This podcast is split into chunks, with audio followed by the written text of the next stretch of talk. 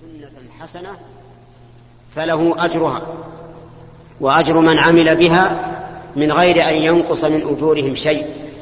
ومن سن سنة سيئة فعليه وزرها ووزر من عمل بها من غير أن ينقص من أوزارهم شيء. وهذه السنة المراد بها يعني من ابتدأ العمل بسنة وليس من أحدث لأنه من أحدث في الإسلام ما ليس منه فهو رد. وليس بحسن. لكن المراد من سنها أي صار أول من عمل بها. كهذا الرجل الذي جاء بالصرة رضي الله عنه. فدل هذا على أن الإنسان إذا وفق لسن سنة حسنة في الإسلام سواء بادر إليها أو أحياها بعد أن أميتت لأن السنة في الإسلام ثلاثة أقسام. سنة سيئة وهي البدعة فهي سيئة وإن استحسنها من سنها لقول النبي صلى الله عليه وسلم كل بدعة ضلالة وسنة حسنة وهي على نوعين النوع الأول أن تكون السنة مشروعة ثم يترك العمل بها ثم يجددها من يجددها؟ مثل قيام رمضان بإمام فإن النبي صلى الله عليه وسلم شرع لأمته في, أول الأمر الصلاة بإمام في قيام رمضان. ثم تخلف خشية أن تفرض على الأمة. ثم ترك الأمر في آخر حياة النبي صلى الله عليه وسلم وفي عهد أبي بكر رضي الله عنه وفي أول خلافة عمر ثم رأى عمر رضي الله عنه أن يجمع أن يجمع الناس على إمام واحد ففعل.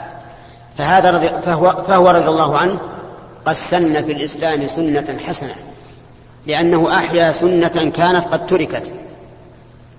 أو القسم الثاني من السنن الحسنة أن يكون الإنسان أول من يبادر إليها.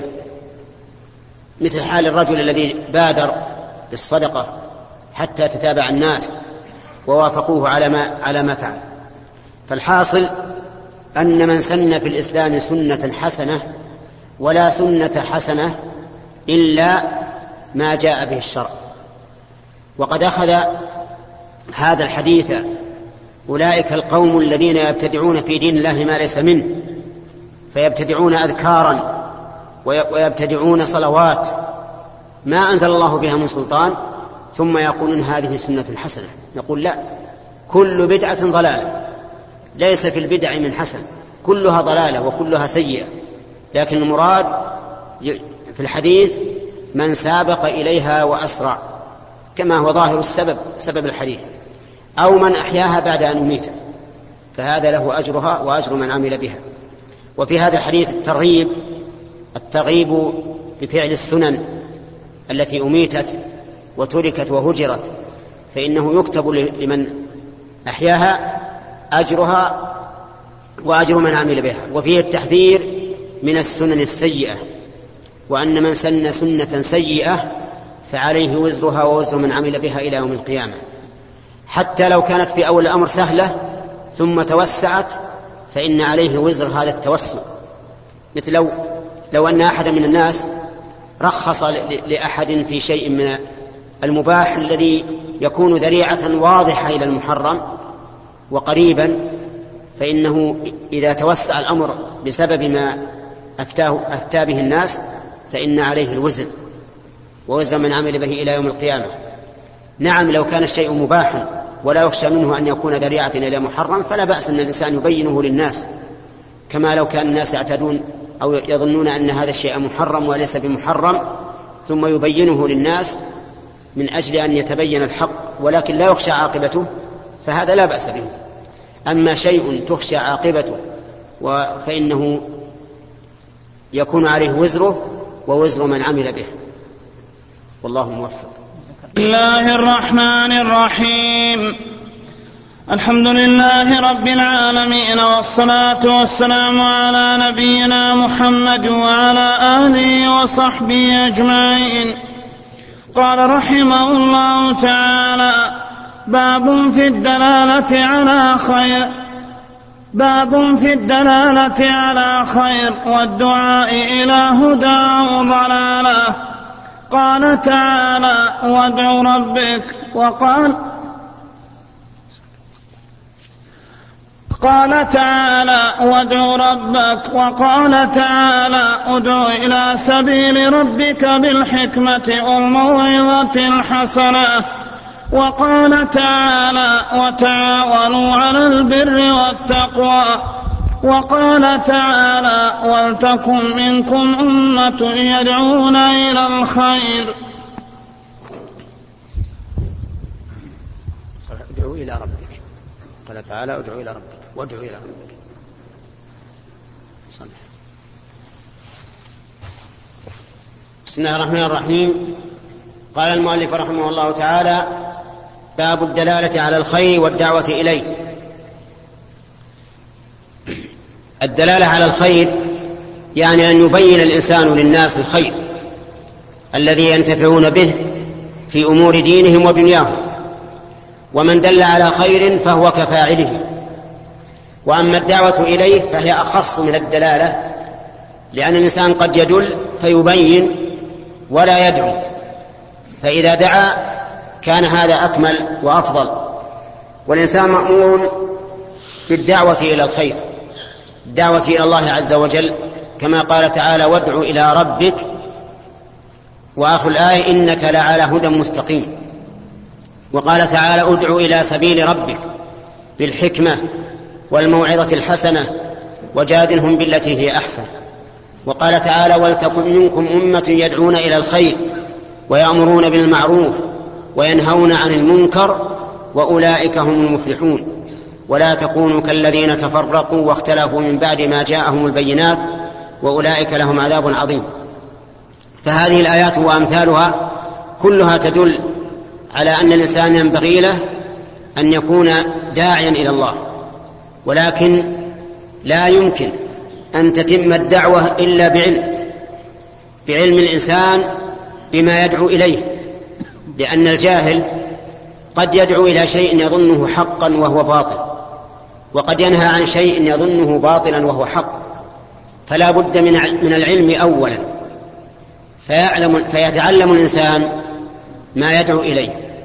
وسواء كان عالما متبحرا فاهما في جميع أبواب العلم أو كان عالما في نفس المسألة التي يدعو إليها. يعني ليس بشرط أن يكون الإنسان عالما متبحرا في كل شيء. بل لنفرض أنك تريد أن تدعو الناس إلى إقام الصلاة. فإذا فقهت أحكام الصلاة وعرفتها جيدا فادعو إليها. وإن كنت لا تعرف غيرها من أبواب العلم. لقول النبي صلى الله عليه وسلم بلغوا عني ولو آية. ولكن لا يجوز أن تدعو بلا علم. أبدا. لأن ذلك على خطر. خطر عليك أنت وخطر على غيرك. أما خطره عليك فلأن الله حرم عليك أن تقول على الله ما لا تعلم. قال الله تعالى قل إنما حرم ربي الفواحش ما ظهر منها وما بطن والإثم والبغي بغير الحق وأن تشركوا بالله ما لم ينزل به سلطانا وأن تقولوا على الله ما لا تعلمون. وقال تعالى ولا تقف ما ليس لك به علم. أي لا تتبع ما ليس لك به علم. فإنك مسؤول عن ذلك. إن السمع والبصر والفؤاد كل أولئك كان عنه مسؤولا ولا بد أيضا من أن يكون الإنسان حكيما في دعوته. ينزل الأشياء في منازلها ويضعها في مواضعها. فيدعو الإنسان المقبل إلى الله عز وجل بما يناسبه ويدعو الإنسان المعرض بما يناسبه. ويدعو الإنسان الجاهل بما يناسبه. كل أناس لهم دعوة خاصة حسب ما يليق بحالهم. ودليل هذا أن رسول الله صلى الله عليه وسلم لما بعث معاذا إلى اليمن قال له إنك تأتي قوما أهل كتاب. فآلمه بحالهم من أجل أن يستعد لهم وأن ينزلهم منزلتهم. لأنهم إذا كانوا أهل كتاب صار عندهم من الجدل بما عندهم من العلم ما ليس عند غيرهم فالمشركون جهال ضلال لكن أهل الكتاب عندهم علم يحتاجون إلى استعداد تام. وأيضا يجابهون بما يليق بهم لأنهم يرون أنفسهم أهل كتاب وأهل علم فيحتاجون أن فيحتاج الأمر إلى أن يراعوا في كيفية الدعوة. ولهذا قال له إنك ستأتي قوما أهل كتاب. ولنضرب لهذا مثلا واقعيا. لو أن رجلا جاهلا تكلم وهو يصلي يحسب أن الكلام لا يضر فهذا لا نوبخه ولا ننهره ولا نشدد عليه بل نقول له إذا فرغ من صلاته إن هذه الصلاة لا يصلح فيها شيء من كلام الناس إنما هي التسبيح والتكبير وقراءة القرآن. لكن لو علمنا أن شخصا يعلم أن الكلام في الصلاة حرام ويبطلها لكنه إنسان مستهتر والعياذ بالله يتكلم ولا يبالي. يأتي إلى جنبه أخوه فيسمع ويقول افعل كذا وكذا أو فعلت كذا وكذا فهذا نخاطبه بما يليق به ونشدد عليه وننهره. فلكل مقام مقال. ولهذا قال تعالى ادع إلى سبيل ربك بالحكمة. بالحكمة أن تضع الأشياء في مواضعها وتنزل الناس في منازلهم.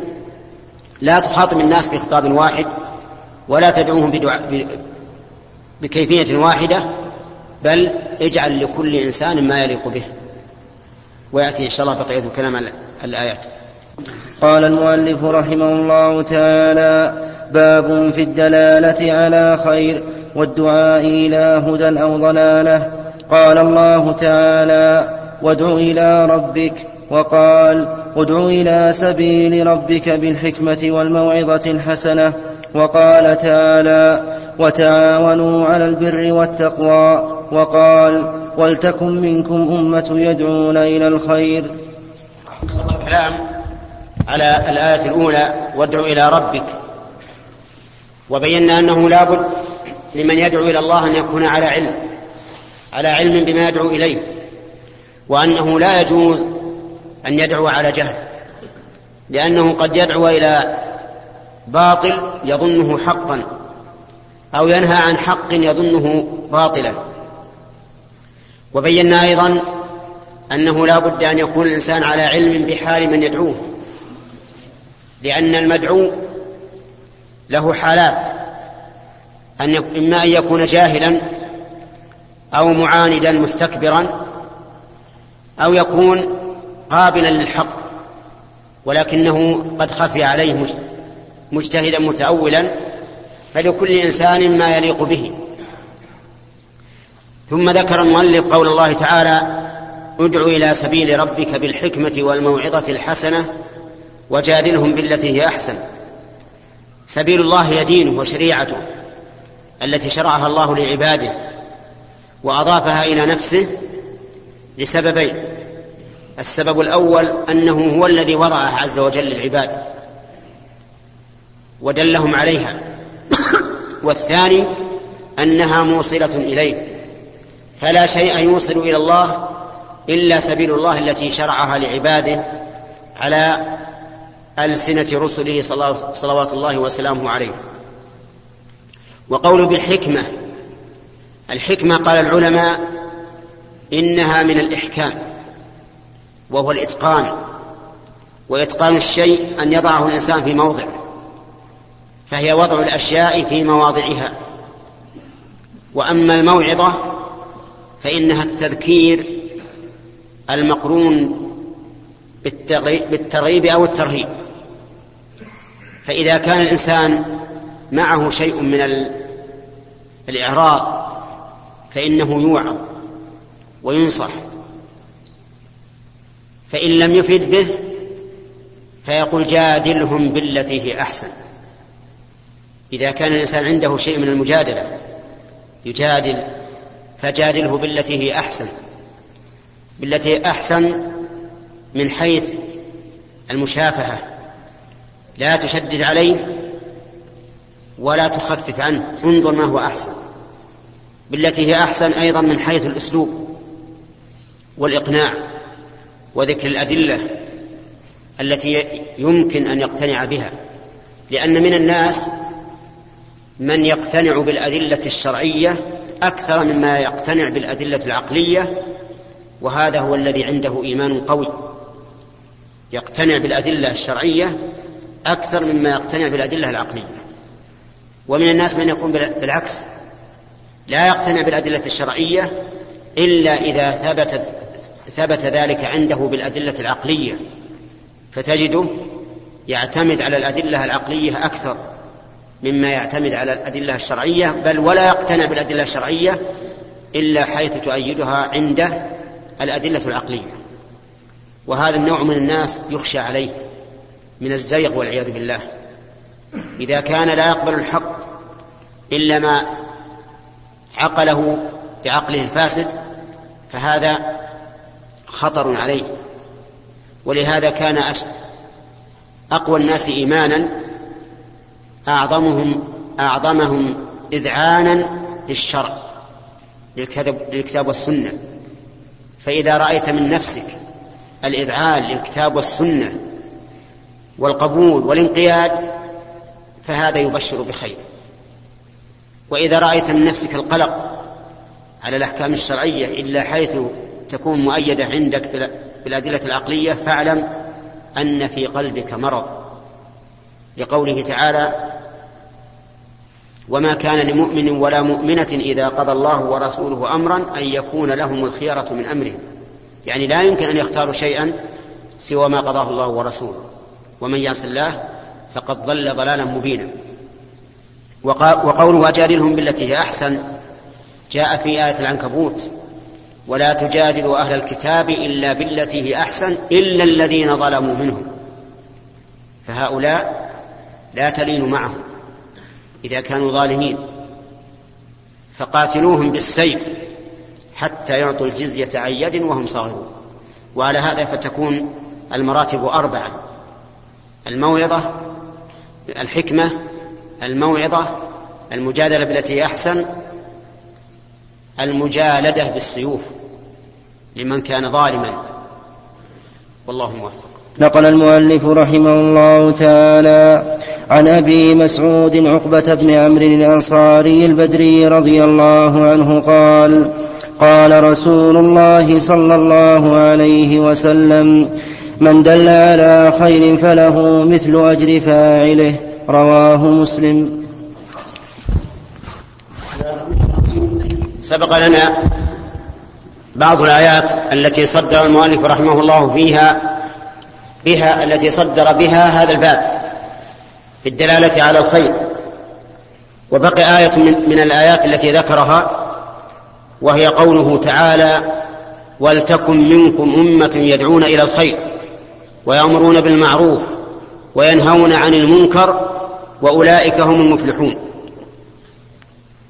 هذا أمر من الله عز وجل بأن يكون منا هذه الأمة والأمة بمعنى الطائفة. وترد الأمة في القرآن الكريم على أربعة معاني. أمة بمعنى الطائفة وأمة بمعنى الملة وأمة بمعنى السنين وأمة بمعنى الإمام. فمن الطائفة هذه الآية ولتكن منكم أمة أي طائفة يدعون إلى الخير ويأمرون بالمعروف إلى آخره. والأمة بمعنى الدين مثل قوله تعالى وأن هذه أمتكم أمة واحدة أي دينكم دين واحد. والأمة بمعنى السنين مثل قوله تعالى وقال الذي نجا منهما وادكر بعد أمة أي بعد زمن. والأمة بمعنى الإمام مثل قوله تعالى إن إبراهيم كان أمة قانتا. فقوله هنا ولتكن منكم أمة يدعون إلى الخير. اللام في قوله ولتكن للأمر ومن في قوله منكم فيها قولان لأهل العلم. منهم من قال إنها للتبعيض ومنهم من قال إنها لبيان الجنس. فعلى القول الأول يكون الأمر هنا أمرا كفائيا أي أنه إذا قام به من يكفي سقط عن الباقين. لأنه وليكن منكم يعني بعض منكم يدعون إلى الخير. وعلى القول الثاني يكون الأمر أمرا عينيا وهو أنه يجب على كل واحد أن يكرس جهوده لهذا الأمر. يدعون إلى الخير ويأمرون بالمعروف وينهون عن المنكر. والدعوة إلى الخير تشمل كل شيء فيه مصلحة. للناس في معاشهم ومعادهم. لأن الخير كما يكون في, في عمل الآخرة يكون في عمل الدنيا.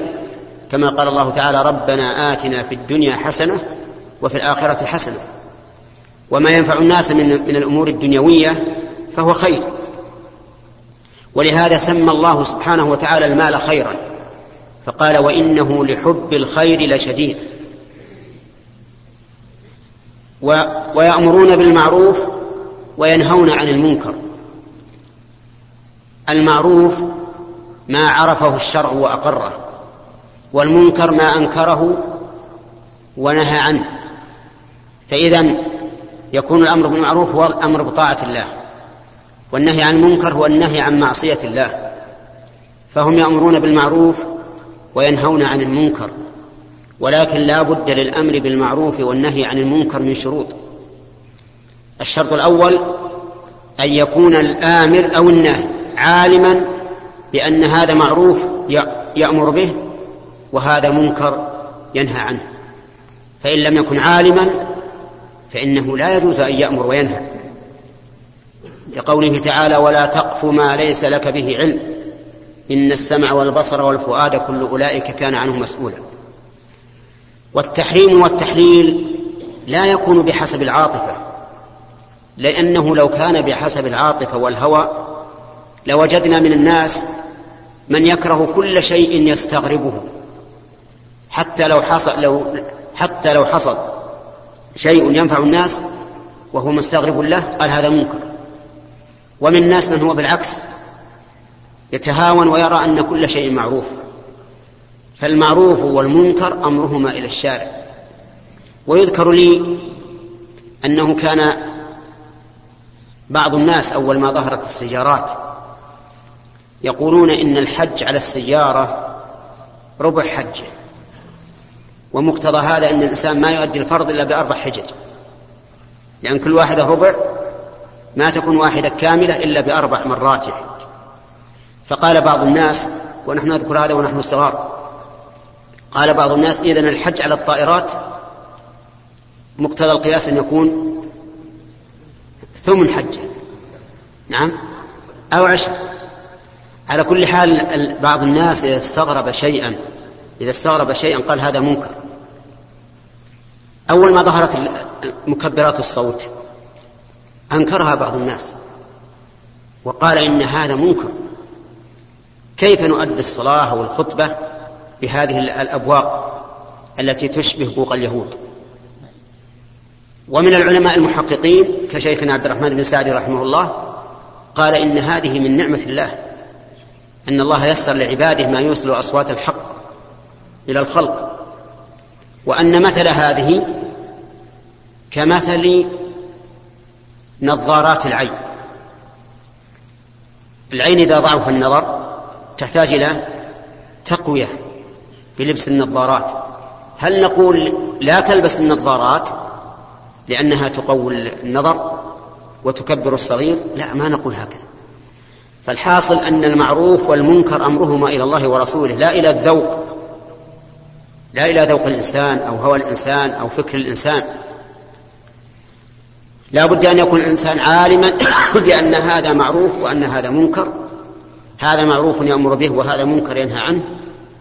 ولكن ما الطريق إلى معرفة ذلك؟ الطريق إلى معرفة ذلك الكتاب والسنة. فقط أو إجماع الأمة أو القياس الصحيح. وإجماع الأمة والقياس الصحيح كلاهما مستند إلى الكتاب والسنة. لولا الكتاب والسنة ما عرفنا أن الإجماع حجة ولا أن القياس حجة. هذا شرط. والشرط الثاني أن يعلم بوقوع بوقوع المنكر من الشخص. أن يعلم بوقوع المنكر من الشخص أو بتركه للمعروف. فإن كان لا يعلم فإنه لا يرجم الناس بالغيب. مثال ذلك لو أن رجلا دخل المسجد وجلس فإن فإن فإن الذي تقتضيه الحكمة أن يسأله لماذا جلس.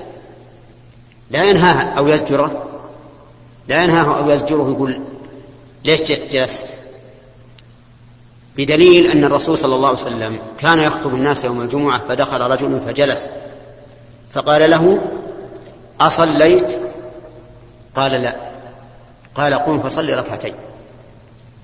فلم يزجره حين ترك الصلاة لأنه يحتمل أنه صلى والنبي عليه الصلاة والسلام لم يره. كذلك أيضا إذا رأيت مثل شخصا يأكل في رمضان أو يشرب في رمضان لا تزجره تقول يا, يا فلان أنت مثل فيك كذا وفيك كذا. اسأله. ربما يكون له عذر في ترك الصيام ما تدري عنه. قل له لماذا لم تصم؟ قد يكون مسافرا قد يكون مريضا مرضا يحتاج معه إلى شرب الماء بكثرة مثل أوجاع الكلى. تحتاج إلى شرب ماء كثير. ولو كان الإنسان صحيحا فيما يظهر للناس. فالمهم أنه لا بد أن تعرف أنه ترك المعروف. حتى تأمره به. ولا بد أيضا أن تعرف أنه وقع في المنكر حتى تنهى عنه. لأنه قد لا قد لا يكون واقعا في المنكر وأنت تظن أنه واقع. مثال ذلك رأيت رجلا في سيارته معه امرأة. في احتمال أن المرأة أجنبية منه. أليس كذلك؟ في احتمال. في احتمال أن المرأة أن المرأة من محارمه أو أنها زوجته. في احتمال إذا لا تنكر. لا تنكر عليه. توقف وتقول تعال ليش؟ ليش تشيل المرأة حتى تعلم أنه فعل منكرا. وذلك بقرائن الأحوال. لو فرضنا مثلا أن إنسان رأى ريبة من هذا الشخص بكونه أهلا لسوء الظن ورأى حركات والإنسان العاقل البصير يعرف فهذا ربما نقول يتوجه أن تقول من هذه المرأة اللي معك؟ أو لماذا تحمل امرأة ليست من محارمك؟ أما مجرد أن ترى رجلا يمشي مع امرأة أو حامل امرأة في سيارته تنكر عليه وأنت لا تدري هل هذا منكر أو لا؟ هل فعل هو على كل حال خلو المرأة بالسيارة وهو غير محرم؟ منكر. لكن لا تدري لعل هذه المرأة من محارمه. فالمهم أنه لا بد من العلم بأن هذا معروف وأن هذا منكر ولا بد من العلم بأن هذا ترك المعروف وفعل المنكر. وسيأتي إن شاء الله بقية الشروط في درس المقبل قال الله تعالى ولتكن منكم أمة يدعون إلى الخير. بسم الله الرحمن الرحيم. سبق لنا الكلام على أولها على هذه الآية وهي قوله تعالى ولتكن منكم أمة يدعون إلى الخير. ويأمرون بالمعروف وينهون عن المنكر. وبينا أن الخير كل ما فيه منفعة للعباد في معاشهم ومعادهم. وأن الأمر بال... وأن المعروف كل ما عرفه الشرع وأقره. والمنكر كل ما أنكره الشرع وحذر منه. وبينا أن الأمر بالمعروف والنهي عن المنكر لا بد فيه من شروط. الشرط الأول أن يكون الآمر أو الناهي عالما بأن هذا معروف أو هذا منكر. والثاني أن يعلم أن المأمور أو المنهي قد وقع في ذلك أي قد خالف الأمر أو وقع في النهي. وبينا دليل ذلك. الشرط الثالث أن لا يتحول المنكر إذا نهى عنه إلى ما هو أنكر منه وأعظم. مثال ذلك لو رأينا شخصا يشرب الدخان. شرب الدخان حرام لا شك منكر يجب إنكاره. لكننا لو أنكرنا عليه لتحول إلى شرب الخمر. يعني أنه ذهب إلى الخمارين وشرب الخمر. فهنا لا ننهاه عن منكره الأول لأن منكره الأول أهون وارتكاب أهون المفسدتين واجب. إذا كان لا بد من ارتكاب العليا. ودليل هذا الشرط قول الله عز وجل ولا تسبوا الذين يدعون من دون الله فيسبوا الله عدوا بغير علم. فنهى الله تعالى عن سب آلهة المشركين مع أن سب آلهة المشركين من الأمور المطلوبة شرعا. يجب علينا أن نسب آلهة المشركين وأن نسب أعياد الكفار وأن نحذر منها وأن لا نرضى بها. وأن نبصر إخواننا الجهال السفهاء بأنه لا يجوز مشاركة الكفار في أعيادهم. لأن الرضا بالكفر يخشى أن يوقع صاحبه, صاحبه بالكفر والعياذ بالله. هل ترضى أن شعائر الكفر تقام وتشارك فيها؟ لا يرضى بهذا أحد من المسلمين. ولهذا قال شيخ قال ابن القيم رحمه الله وهو من تلاميذ شيخ الإسلام البارزين. قال إن الذي يشارك هؤلاء في أعيادهم ويهنئهم فيها إن لم يكن أتى, أتى شيئا من الكفر إن لم يكن أتى الكفر فإنه قد فعل محرما بلا شك. وصدق رحمه الله. ولهذا يجب علينا أن أن نحذر إخواننا المسلمين من مشاركة الكفار في أعيادهم لأن مشاركتهم في أعيادهم أو تهنئتهم فيها مثل عيد مبارك هناك الله بالعيد وما أشبه ذلك لا شك أنه رضا بشعائر الكفر والعياذ بالله. أقول إن سب آلهة المشركين وشعائر المشركين وغيرهم من الكتاب من الكفار الكتابيين وغيرهم أمر مطلوب شرعا ولكن إذا كان يؤدي إلى شيء أعظم منه نكرا فإنه ينهى عنه. يقول الله عز وجل ولا تسبوا الذين يدعون من دون الله. يعني الأصنام لا تسبونها. فيسبوا الله عدوا بغير علم. يعني أنكم إذا سببتم آلهتهم سبوا إلهكم وهو الله عز وجل. عدوا بغير علم يعني عدوانا منهم بغير علم. أما أنتم فإذا سببتم آلهة المشركين فإنه بعدل وعلم. لكن سبهم لإلهكم عدوان بلا علم فأنتم لا تسبونهم فيسبون الله. إذا نأخذ من هذه الآية الكريمة أنه إذا كان الإنسان نهى عن منكر ليقع الناس فيه ما هو أنكر منه فإن الواجب الصمت الواجب الصمت حتى يأتي اليوم الذي يتمكن فيه من النهي عن المنكر ليتحول المنكر إلى معروف. ويذكر أن شيخ الإسلام ابن تيمية رحمه الله مر في الشام على قوم من التتر. تتر الأمة معروفة سلطها الله على المسلمين في سنة, في سنة من السنوات وحصل فيها فتنة كبيرة عظيمة. لما دخلوا الشام مر شيخ الإسلام ومعه صاحب له مر بقوم منهم يشربون الخمر. وسكت شيخ الإسلام. مر بهم وسكت. ما نهاهم. فقال له صاحبه لماذا لم تنهوا هذا منكر. قال لو نهيناهم عن هذا الشيء لذهبوا يفسدون نساء المسلمين بالزنا ويستبيحون أموالهم وربما يقتلونهم وشرب الخمر أهون. وهذا من فقهه رضي الله رحمه الله ورضي عنه أن الإنسان إذا كان يخشى أن يزول المنكر ويتحول إلى ما هو أنكر منه فإن الواجب الصمت. فإن الواجب الصمت. ومن آداب الأمر بالمعروف وليس من شرط الأمر بالمعروف من آداب الأمر بالمعروف والنهي عن المنكر أن يكون الإنسان أول فاعل للمعروف وأول منته عن المنكر. بمعنى أنه لا يأمر بالمعروف ولا يفعله. أنه لا يأمر بالمعروف ثم لا يفعله. أو لا ينهى عن المنكر ثم يقع فيه. لأن هذا داخل في قوله تعالى يا أيها الذين آمنوا لم تقولون ما لا تفعلون؟ كبر مقتا عند الله أن تقولوا ما لا تفعلون. وفي الحديث الصحيح أنه يؤتى بالرجل يوم القيامة فيلقى في النار حتى تندلق أقتاب بطنه أقتاب بطنه يعني أمعاءه تندلق تتفجر فيدور عليها كما يدور الحمار على رحاه فيجتمع إليه أهل النار ويقولون ما لك يا فلان؟ ألست تأمرون بالمعروف وتنهانا عن المنكر؟ فيقول كنت آمركم بالمعروف ولا آتيه وأنهاكم عن المنكر وآتيه. فيقول ما لا يفعل والعياذ بالله.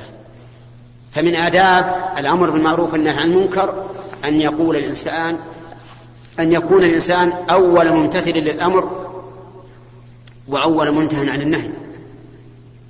ذكر أن ابن الجوزي الواعظ المشهور وهو من أصحاب الإمام أحمد يعني من ممن يقلدون الإمام أحمد وكان واعظا مشهورا بالوعظ يلقى يوضع له كرسي يوم الجمعة ويلقي المواعظ ويحضره مئات الآلاف. وكان من شدة تأثيره أن بعض الحاضرين يصعق ويموت.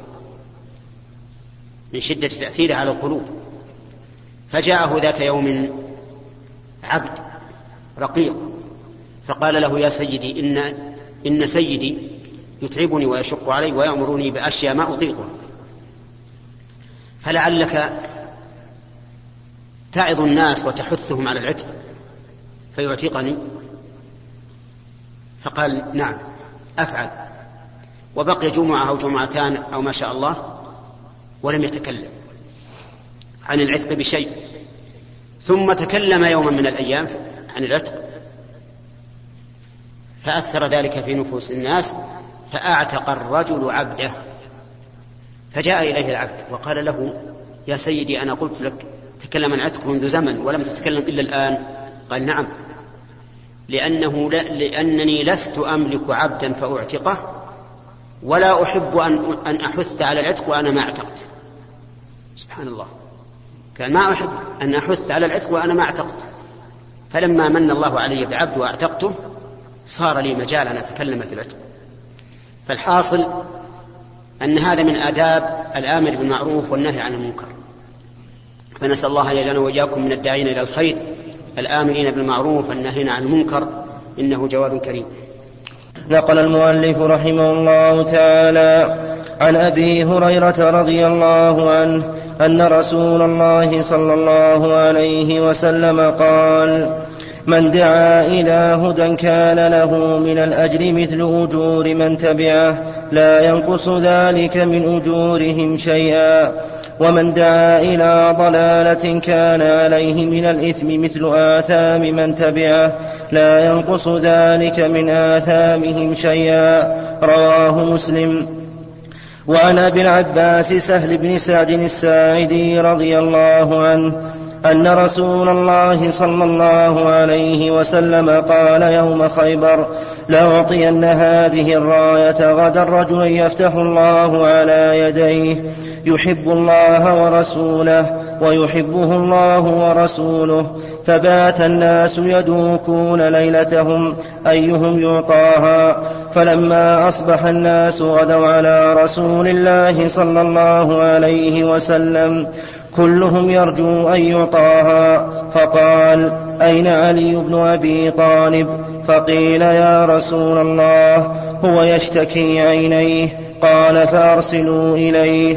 فأتي به فبصق رسول الله صلى الله عليه وسلم في عينيه ودعا له فبرئ حتى كأن لم يكن به وجع فأعطاه الراية.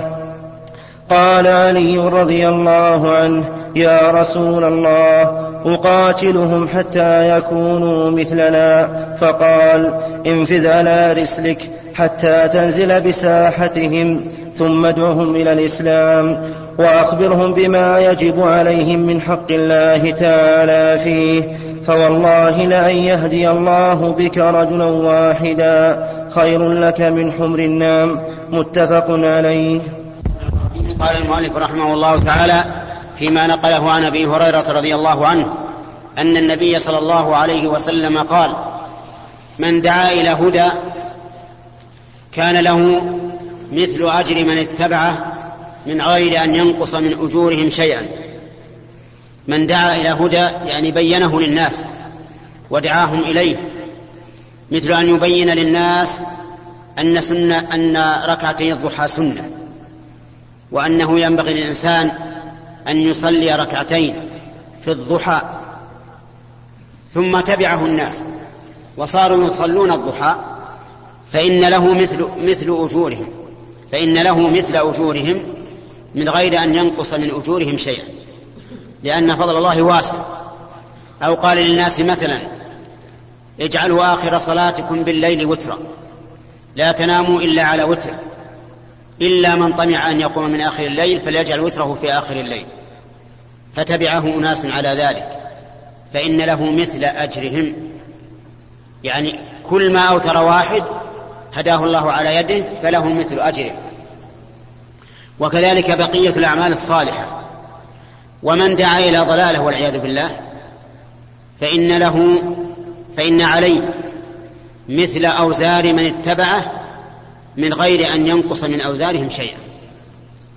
إذا دعا إلى وزر يعني إلى ما فيه الإثم مثل أن يدعو الناس إلى له أو باطل أو غنى أو ربا أو غير ذلك من المحارم فإن كل إنسان تأثر بدعوته فإنه يكتب له مثل أوزاره. لأنه دعا إلى الوزر والعياذ بالله. واعلم أن الدعوة إلى الهدى. والدعوة إلى الوزر تكون بالقول. كما لو قال افعل كذا افعل كذا مثلا. وتكون بالفعل خصوصا الذي يقتدى به من الناس. فإنه إذا كان يقتدى به ثم فعل شيئا فكأنه دعا الناس إلى فعله. ولهذا يحتجون بفعله ويقول فعل فلان كذا وهو جائز أو ترك كذا وهو جائز. فالمهم أن من دعا إلى هدى كان له مثل أجر من اتبعه ومن دعا إلى ضلالة كان عليه مثل وزر من اتبعه.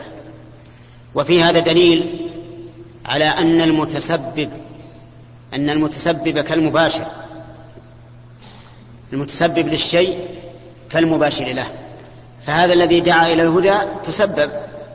فكان له مثل أجر من فعله والذي دعا إلى السوء أو إلى الوزر تسبب فكان له فكان عليه مثل وزر من اتبعه. وقد أخذ العلماء الفقهاء رحمهم الله من ذلك قاعدة بأن السبب كالمباشرة. لكن إذا اجتمع سبب ومباشرة أحالوا الضمان على المباشرة لأنها أمس بالإتلاف. أما حديث أبي العباس سهل بن سعد رضي الله عنه أن النبي صلى الله عليه وسلم قال يوم خيبر لأعطين الراية غدا رجلا يفتح الله على يديه. يحب الله ورسوله ويحبه الله ورسوله. بشرى تضمنت بشرى عامة وبشرى خاصة. أما العامة فهي قوله يفتح الله على يديه. وأما الخاصة فهي قوله يحب الله ورسوله ويحبه الله ورسوله. وخيبر مزارع وحصون لليهود. كانت نحو مئة ميل نحو مئة ميل في الشمال الغربي من المدينة. سكنها اليهود كما سكن طائفة منهم المدينة نفسها لأن اليهود يقرؤون في التوراة أنه سيبعث نبي وسيكون مهاجره المدينة وتسمى في العهد القديم يثرب لكنه نهي عن تسميتها يثرب. وأنه سيهاجر إلى المدينة وسيقاتل وينتصر على أعدائه. فعلموا أن هذا حق وذهبوا إلى المدينة وسكنوها وسكنوا خيبر وكانوا يظنون أن هذا النبي سيكون من بني إسرائيل.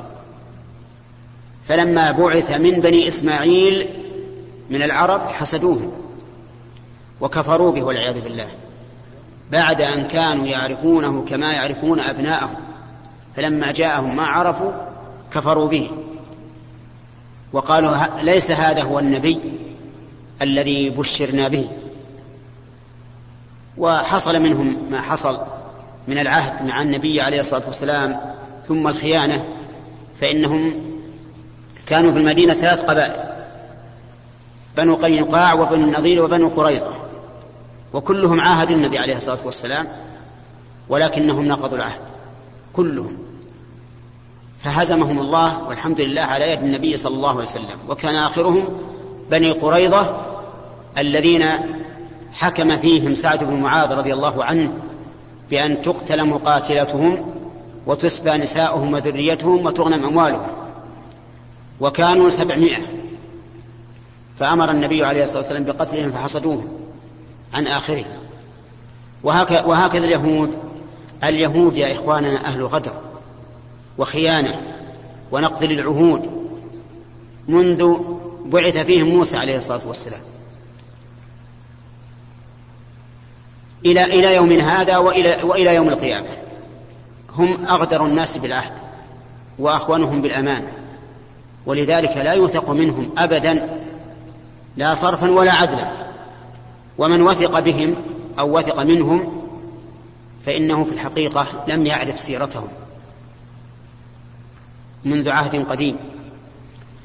المهم أن خيبر كانت حصونا ومزارع لهم وغزاهم النبي عليه الصلاة والسلام وفتح الله على يديه وسيأتي إن شاء الله بقية الحديث. نقل المؤلف رحمه الله تعالى عن أبي العباس سهل بن سعد الساعدي رضي الله عنه أن رسول الله صلى الله عليه وسلم قال يوم خيبر لأعطين هذه الراية غدا رجلا يفتح الله على يديه يحب الله ورسوله ويحبه الله ورسوله فبات الناس يدوكون ليلتهم أيهم يعطاها فلما أصبح الناس غدوا على رسول الله صلى الله عليه وسلم. كلهم يرجو أن يعطاها. فقال أين علي بن أبي طالب؟ فقيل يا رسول الله هو يشتكي عينيه قال